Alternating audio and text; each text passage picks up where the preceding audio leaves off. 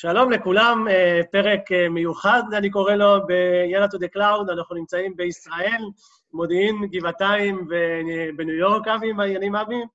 הכל טוב, מה קורה? בסדר גמור, ובועז, השותף שלנו לפודקאסט מדי פעם, לבלוג, סליחה. האורח, האורח. האורח, כן. האורח הקבוע.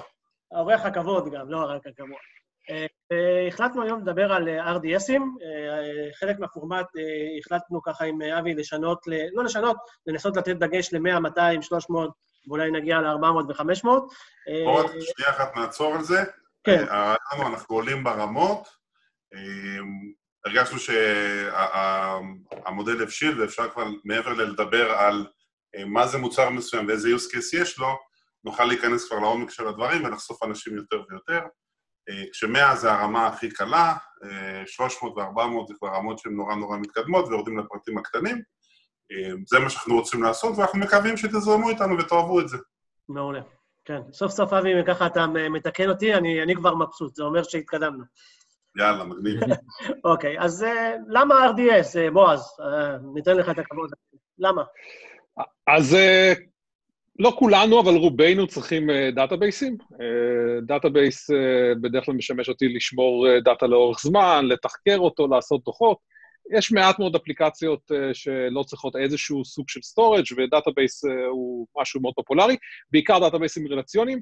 יש לי בגדול uh, שתי דרכים uh, להרים היום database בענן. אחד, uh, להרים את זה בעצמי. לקחת מכונת EC2, להתקין עליה MySQL, להתקין עליה MSSQL, להתקין עליה Oracle, להביא את הרישיון שלי, לנהל בעצמי, ולהיות אחראי על המכונה הזאת מקצה לקצה. אם אני רוצה להתעסק פחות עם המנוע הזה של ה database, יש היום שירות של AWS שנקרא RDS. אה, למעשה שירות מנוהל של Relational Database, שמאפשר לי לבחור את המנוע שאני רוצה, זה יכול להיות uh, MySQL, זה יכול להיות Aurora, זה יכול להיות Oracle, MSSQL, PostgreSQL, MariaDB, אבי, מה שכחתי? אמ, אמרת פוסט SQL, אמרת, אז אני חושב שעברנו על כולם. כן. אז אתה יכול לבחור את המנוע, אה, לבקש מ-AWS להרים לך את המכונה, לבחור את הגודל שלה, ואז אתה למעשה מקבל מכונה, אתה מקבל endpoint של, אה, של השרת שלך, אתה יכול אה, לכתוב אליו, לקרוא אליו, כמובן בהתאם לסקיוריטי שאתה מגדיר, וכל הניהול מאחורי הקלעים של המכונה הזאת ייעשה על ידי AWS. דברים כמו גיבויים, עדכונים, שדרוגים, זה חלק מהדברים הבסיסיים, כמובן יש עוד הרבה דברים יותר מתקדמים מזה.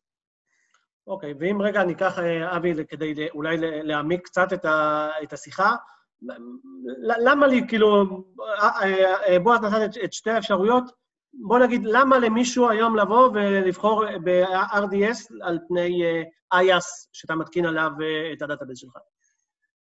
קודם כל זה הפשטות, ואני ראיתי המון פעמים שאנשים מקימים RDS, אה, פשוט כי הם לא יודעים להתקין בעצמם.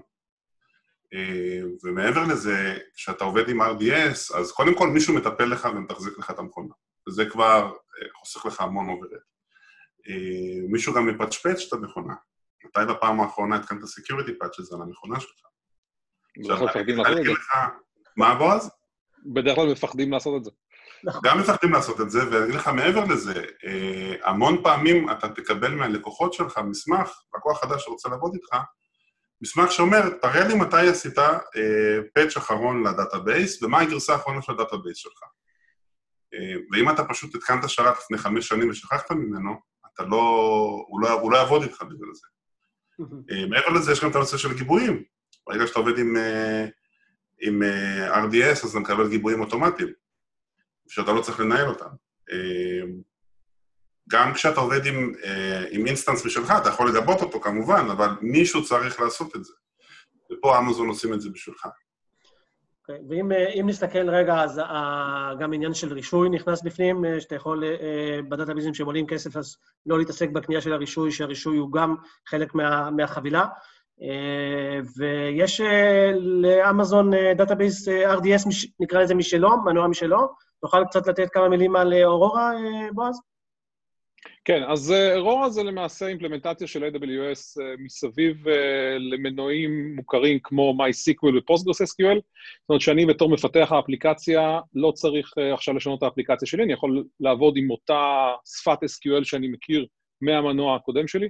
זה נותן אגב כיסוי מאוד מאוד רחב בעולם הזה של databaseים, אז המעבר לארורה הוא יחסית קל גם אם אתה לא משתמש במנוע כזה. והרעיון של ארורה זה שבאמת נעשתה שם עבודה מאוד מאוד מתקדמת על כל הנושא של ה data storage ואיך הוא בנוי ואיך הוא פרוס, מה שמאפשר שיפור מאוד גדול בביצועים יחסית ל SQL אחר. אם אנחנו משווים ארורה MySQL מול MySQL סטנדרטי, אנחנו מדברים על פי חמש, ביצועים מהירים פי חמש אה, מאשר המקור. אה, כמו שאמרתי, יש גם גרסה ל PostgreSQL, ואחד ההמלצות שאני נותן להרבה מאוד אנשים שיש להם בעיות ביצועים ב database, זה לנסות את ארורה בתור הפתרון הראשון.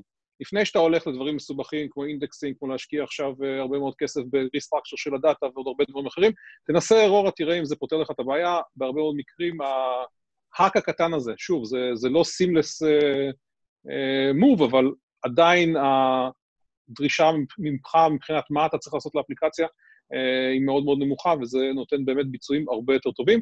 מגיע עם עוד הרבה דברים שמאפשרים לנו אה, לעשות, בגלל הצורה שבה אנחנו שומרים את הדאטה, מאפשר לנו לעשות רפליקציה אה, מאוד מתקדמת, מאפשר לנו ללכת לעולמות של Global Replication, יש היום גרסה שהיא גלובלית, אתה יכול לקבל היום SQL שהוא גלובלי, וזה באמת יתרון מדהים, משהו שלי יצא לעשות פעם עם MySQL שלי לפני יותר מעשור, זה לא כיף.